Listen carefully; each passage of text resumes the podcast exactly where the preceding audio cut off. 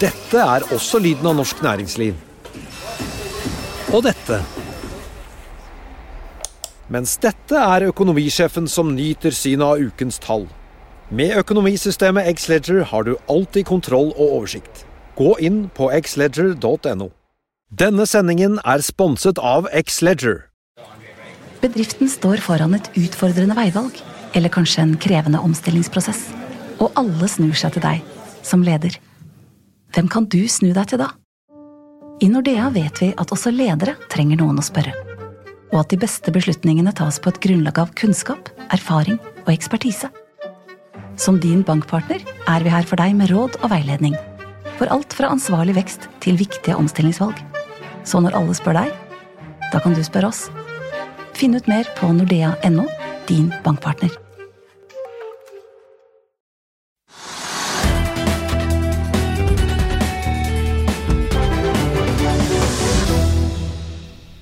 Velkommen til Økonominyhetene. I dag skal vi ha teknisk analyse av Bård Drilling, og det ser litt slitent ut. Men vi begynner på Oslo Børs, Trygve. Markedet er ned en halv prosent. Eh, og det er ikke så veldig mye som skjer, da, men vi, vi, vi må litt tilbake til det som skjedde i går med den uh, oljetankskipet som da på en måte enten ble torpedert eller bombet eller et eller annet skjedde, eller miner ble satt på den så den brant. Fordi at vi snakket om i går, vi hadde en oljeekspert i studio, og alle snakket om at oljeprisen kunne gå veldig høyt hvis Hormuzstredet, hvor da liksom 18-19 millioner fat i døgnet blir liksom skipet ut fra, som er en kjempeport til verden da, med olje fra, fra Gulfen. Uh, og så gikk oljeprisen litt opp, men ikke mye. Og det vi har sett i dag, er at oljeprisen har faktisk falt tilbake. Så jeg har sett 60-tallet i dag på Brenten. Og jeg har sett 51-tallet på lettoljen. Og de er klart fall videre. slik at det vi snakket om i går, bare for å repetere det fort, det er jo da det at etterspørselssiden er ikke så god som man trodde. Så enten det er mangel på vekst i verden eller fremtidsutsiktene er dårlige, så er etterspørselen etter olje lavere enn det man hadde tenkt seg. Og samtidig så pøses det egentlig olje ut i markedet, og det presser da alt sammen. Til tross for at det er restriksjoner på Iran, til tross for at det er problemer i Venezuela, til tross for at det er problemer i Libya, så er tilbudssiden mer enn stor nok. Så det presser oljeprisen. Og det er ganske interessant. Så, men 61, litt på, ja, midt på 61 dollar-tallet ja, for brentoljen? Ja, ja, men da jeg så på det siste formiddag, da var den på 60. Mm. 60,92 for å være eksakt. Okay, ja. mm. Så vi har sett 60-tallet også, så er den litt opp igjen. Men det betyr at det er ikke noe hopp. Det er ikke noe 5 dollars opp eller 10 dollar, 10 dollar opp. Og så er det da hva som skjer videre, som er det store spørsmålet. Da, og Det har noe å si for oljeprisen, selvfølgelig. Veldig mye. Og så har det noe å si for tankfarten. og det er at Hvem forårsaket da det at eh, det norske tankskipet står i brann, eller sto i brann? Og Iran sier at de har ingenting med det å gjøre. USA sier at de har bilder. altså De har så mye satellittovervåkning og satellitter, at uh, de sier at de kan bevise at det er Iran som gjorde det. I hvert fall at det var en, et iransk marinefartøy som plukka av en Ja, Det, det er det ikke, ingen uenighet om. Det er et, fart, et iransk fartøy som tok av den minen som da ikke var eksplodert eller en sånn. da. Mm. Forresten en ganske farefull uh, operasjon. og Det, det holdt meg langt unna. Men i alle fall så, USA er opptatt av saken.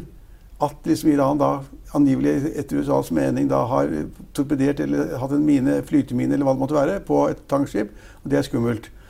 Og, og, så hva som kommer ut av det, vet vi jo ikke. Men det er én ting som ikke har stått noen særlige steder, som er ganske morsomt.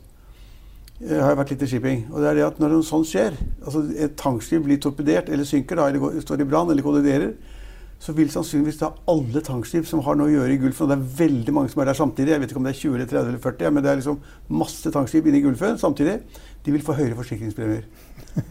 Så de vil helt sikkert få høyere forsikringspremier. Det betyr at rederne tjener mindre, og det er negativt for da tankskipsaksjene, som f.eks. for Frontline. Ja, For de får ikke igjen det med en gang. De kan sette opp uh ratene litt sånn Ja, Forsikringspolisen, altså Hvis du er i krigsområder eller den type eh, områder, så vil du helt sikkert få økt mm. polise, polise, eller økt forsikring med en gang. Så, så, det påvirker hele tankfarten, og det er jo selvfølgelig ikke bra. Jeg så da også at fronten i dag har vært litt ned. Mm. Ikke opp, som det var i går. Så, ja, så, så, det er ganske skummelt. Det er masse ringvirkninger. Det er på internasjonal, Det geopolitiske bildet er sånn. Og hva med tankskipsfarten, og hva med oljeprisen, og hva med Norge? Det, det er ganske mye usikkert, da. Og vi vet ikke svaret ennå. Og så ble mannskapet frakta til Iran, ja. og de er kjempeglade for at de ble redda? Jeg så noen overskrifter. De, ja, Det ville jeg også vært hvis det var et tankskip som brant. Man vet jo ikke, Kan den oljen eksplodere, eller er det sånn ny, ny sånn der, uh, hydrogensak, eller hva det måtte være. Så, de har stått fram på iransk TV og hylla Iran. hyllet Iran, ja. Og da er Iran sikkert veldig fornøyd. Og så leverer de der ut til da rederen, som da bruker de på andre skip eller sender hjem, eller hva det måtte være. Men det er jo veldig uklart alt sammen. da. Jeg syns det er ganske skummelt hele greia. Det er, og det er ikke avklart. Og skulle da plutselig gå et tankskip nå, nå var det forrige gang det var i mai. Ja, det var noen uker siden. Ja, ja, ja altså i mai. Og hvis det da skulle skje en gang til, da, et tankskip på vei inn dit, eller på vei ut fra Gulfen, får en torpedo eller smeller, så da tipper jeg at oljeprisen går i, i, taket. For da kan man se for seg det som da vår gjest i går var inne på, nemlig det at Iran at de på en måte er så presset, så kjørt så hardt at de ikke får solgt olje. De har ikke inntekter igjen, landet vakler. Så vil de kjøre ganske hardt på et eller annet for å få i hele greia, dynamikken i, i, i gang. Mm. Kan det tenkes at det er noen som prøver å få til en konflikt mellom USA og Iran her? Altså, jeg tror ikke det. Altså, og at iranerne faktisk snakker sant? Ja, ja, det kan tenkes. Men altså, jeg tror at dette vet de egentlig, de som driver med det. For at, altså, overvåkningen, du kan, de kan fotografere fra 100 mil opp i verdensrommet. Kan fotografere ja, en, en, en, tennisball på bakken eller sånn. De overvåkningsbildene var ja, ganske imponerende. De vet alt. Altså, De mm. vet jo alt mulig. Da kan du, se, det er tilgjengelig for publikum. Hvor, hvor ligger tankskipet nå? Hvilken retning har det? Hvilken mm. kurs har det?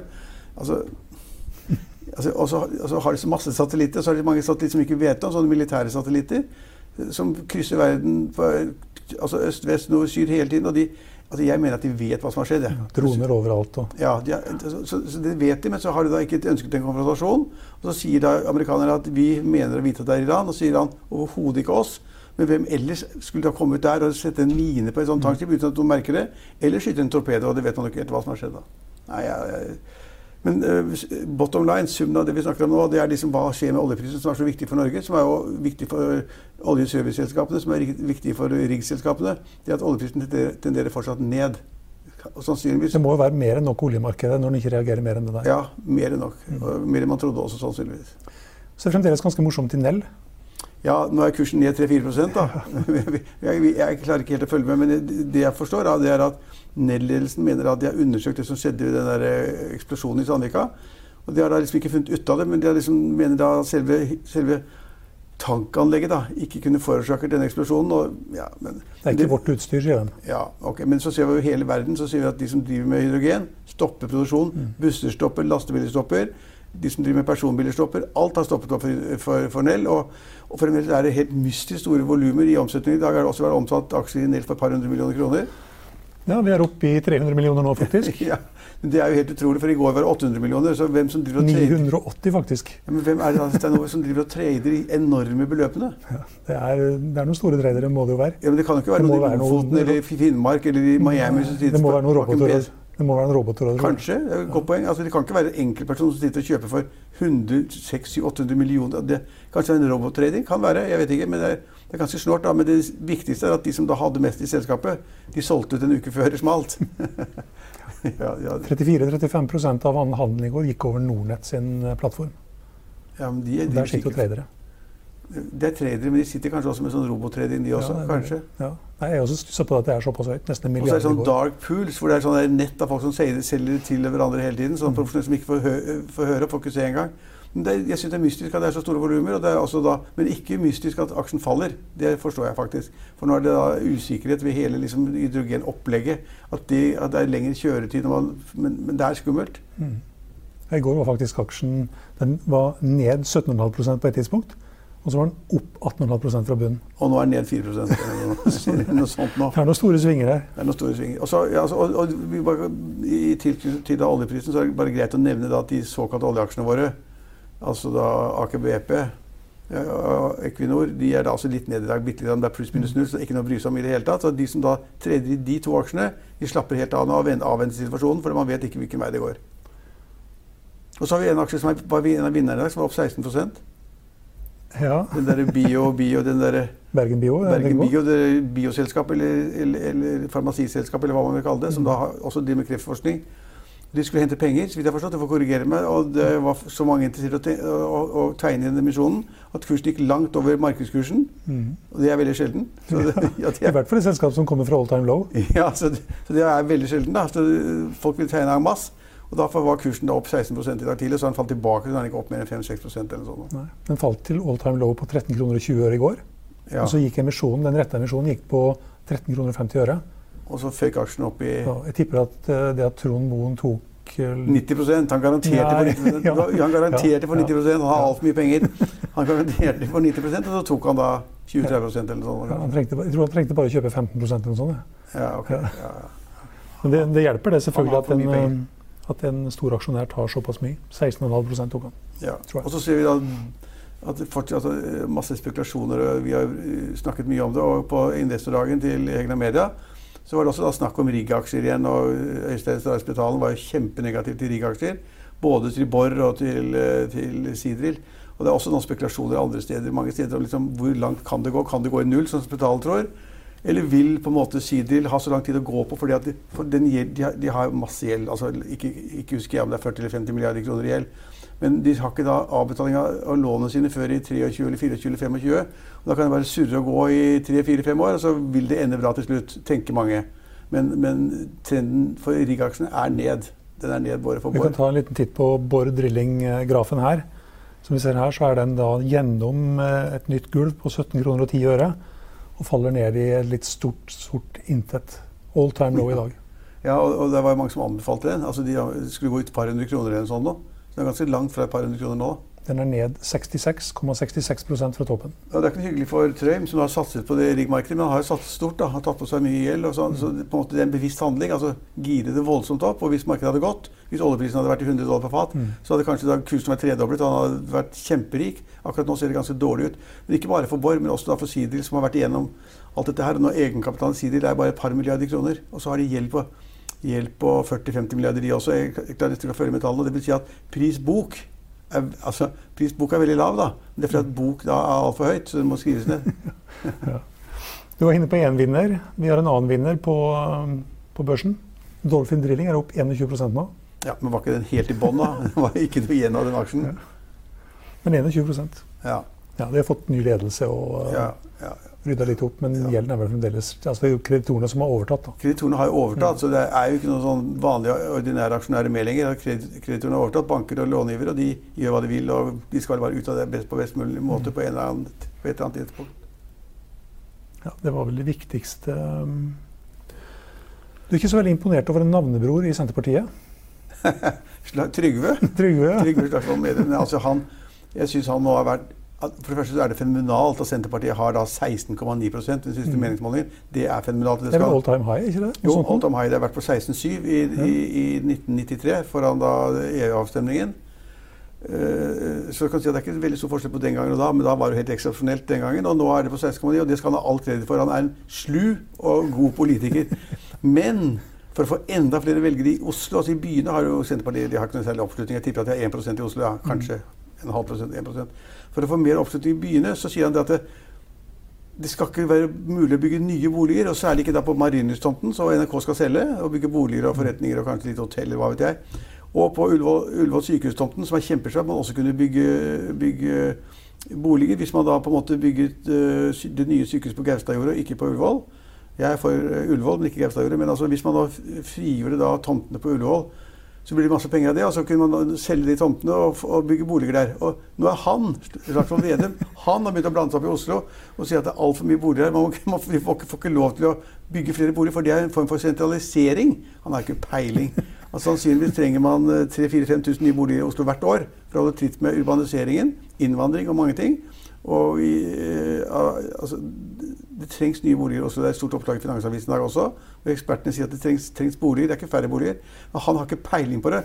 Og han vet ikke om de boligene som er planlagt på Marienlyst, altså da på Majorstua i Oslo, om de går, på, går til erstatning for andre boliger som er planlagt, som er dårligere prosjekter, eller at andre prosjekter blir utsatt. Han har ikke peiling på boligmarkedet i Oslo. Og begynner da å oppheve seg selv som by, byplanlegger i Oslo. Det er helt idiotisk. Jeg er ikke imponert over han akkurat nå, nei. Det er jeg ikke. Det var Bård Schumann det som på forsiden i Finansavisen i dag mente at eh, det bygges altfor lite i Oslo. Så neste år så får vi en kraftig prisoppgang. Kan vi få. Neste år eller året etter kan vi få det. Mm. Men det skjønner altså da ikke en av landets ledende politikere noe av. Og bare kaster seg ut i en rabatt og sier at boliger på Majorstua Det er som å flytte Namsos til Majorstua, det. Sier like mange boliger. Men han er jo så frekk. Eh, Men suksess, altså han har suksess. Eh, Oppslutningen på en meningsmål er helt fenomenal. Og valget er den 9. september, og da kan jo folk stemme på Senterpartiet over hele landet. Og det kommer de til å gjøre, men ikke i Oslo. Og ikke i Bergen, sannsynligvis. Så kan man si om frekket, frekkhetens nådegave har han i hvert fall. Bård Schumann for øvrig, han er gjest på mandag. Ja, og han er jo nå i, han er jo nå i fri dressur igjen, for han hadde jo ett års karantene Ja. da han gikk ut fra Selvåg bolig. Han fikk ikke lov til å si eller gjøre noe som helst på et år. Ikke jobbe heller, i og for seg. Han, han sier jo da til Finansavisen at det var kjempedeilig å ha så mye fri. Han lurte på om han skulle fortsette med det. Men, men, men han, er, han er aktiv i markedet igjen, og han er, han er jo veldig flink. Han gjorde en god jobb i Selvåg bolig, så han ønsker vi velkommen. Ja, ringte han i dag og lurte på om han kunne komme hit klokka halv ett, men han hadde for mye å gjøre. Han for mye, mye å gjøre plutselig. Ja, men det var fordi det var intervju i Finansavisen. Sikkert. For han gikk ut og spådde boligprisene rett opp. Da får han sikkert mange spørsmål. Ja, men han kommer på mandag. Um, jeg har lyst til å snakke litt mer politikk, jeg, faktisk. Hva skal Venstre gjøre for å komme ut av kornåkeren? Eh, Nei, altså det, det er faktisk et veldig godt spørsmål. For det tror jeg det er veldig vanskelig. Altså hvis du hadde fått som jobb som konsulent og utarbeidet liksom et scenario hva Venstre bør gjøre, så er det kjempevanskelig. Det tenkte jeg på forleden. Hva ville jeg gjort hvis jeg hadde liksom vært venstrepolitiker eller statssekretær eller statsråd? For nå har de hatt en oppslutning på halvannen prosent, kanskje den er 1,2. Det er sånn feilmarginer osv. Litt over 1 og, og, og, og, og eh, de må ha fire liksom, for å da komme inn på Stortinget i, i, i 2021. Men jeg, altså, de har bare dårlige standpunkter. Mens alle får, altså hvis mange mennesker, ikke alle, slåss mot bompengestasjoner og bompenge og de greiene der. Det er de, de, de nye bompenge, bompengeselskapene, eller bomselskapene. Og så har vi liksom andre selskaper eller personer som er imot alle disse bommene og alle pengene de bruker. Der er de liksom for jo mer bommer, jo bedre, liksom. På samme nivå som da Miljøpartiet De Grønne. Og så er det liksom bare bak dette med å stenge ned pelsdyrnæringen. Det får de bare bønder som motstandere. Jeg synes det er mange forbrukere syns det er latterlig å, å stenge pe- pelsdyrnæringen. Jeg er ikke sikker, men øh, så de har de problemer med. Og så har de problemer med, med, med at det, det ble en endring av abortloven, som de vil ha liberal abort, og så ble det strengere abort. Så jeg føler liksom at Venstre har ikke noe og De har ikke noe på skatt, de har ikke noe på miljø, altså på miljø er de stengt over. Egentlig har høyere bensinpriser, høyere dieselpriser, høyere bompengeavgifter. Så der har de ikke noe bidrag, men de bare taper. Vi ser at Arbeiderpartiet taper noe ekstremt på meningsmålingene. Fordi de da på en måte er litt passive i det bompengespørsmålet. Og så raser det, og så øker da Miljøpartiet De Grønne og de nye bompengeselskapene samtidig. Men Venstre ligger da og vaker nede i bånn, og så er det ingen som har noen løsning for dem.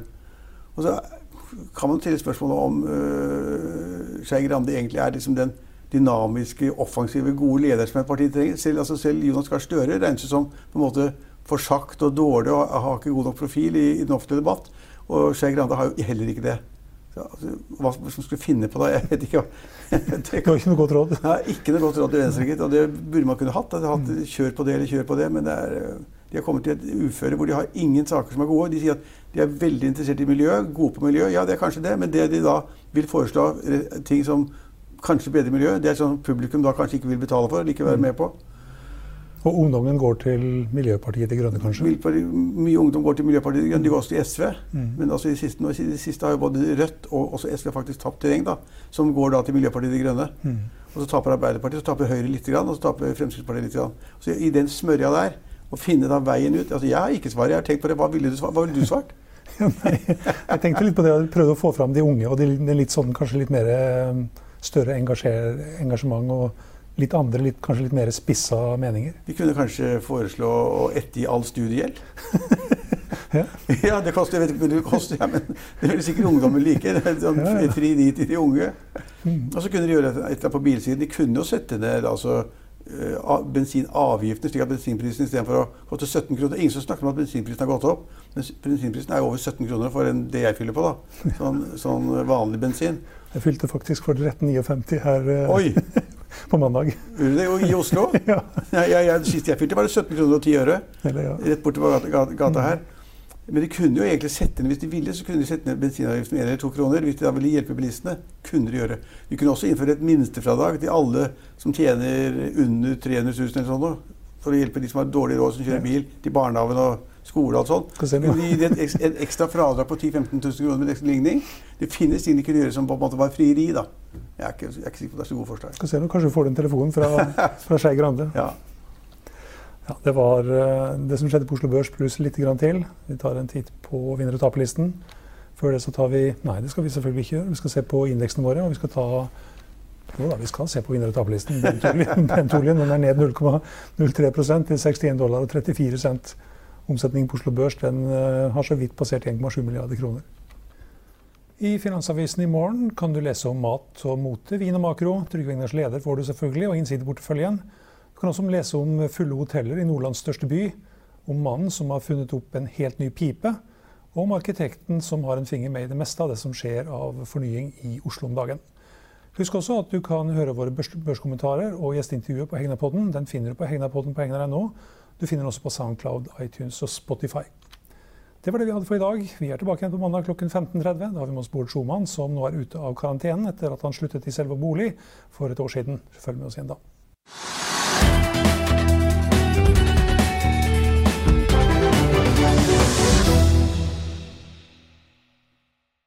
Denne sendingen er sponset av X-Leger.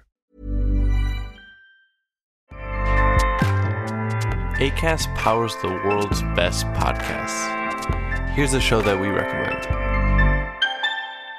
Hi, I'm Jesse Cruikshank. Jesse Cruikshank. I host the number one comedy podcast called Phone a Friend. Girl, let's phone a friend. Not only do I break down the biggest stories in pop culture with guests like Dan Levy and members of InSync, I do it with my own personal boy band singing jingles throughout. Because it's my show. It's your show, girl. New episodes of Phone a Friend Yeah. drop Thursdays wherever you get your podcasts. So work it, girl. Yeah, work it. Okay, that's enough. ACAST helps creators launch, grow, and monetize their podcasts everywhere. ACAST.com. Økonominyhetene er en podkast fra Finansavisen. Programledere er Marius Lorentzen, Stein Ove Haugen og Benedikte Storm Bamvik. Produsenter er Lars Brenden Skram og Bashar Johar. Og ansvarlig redaktør er Trygve Hegnar.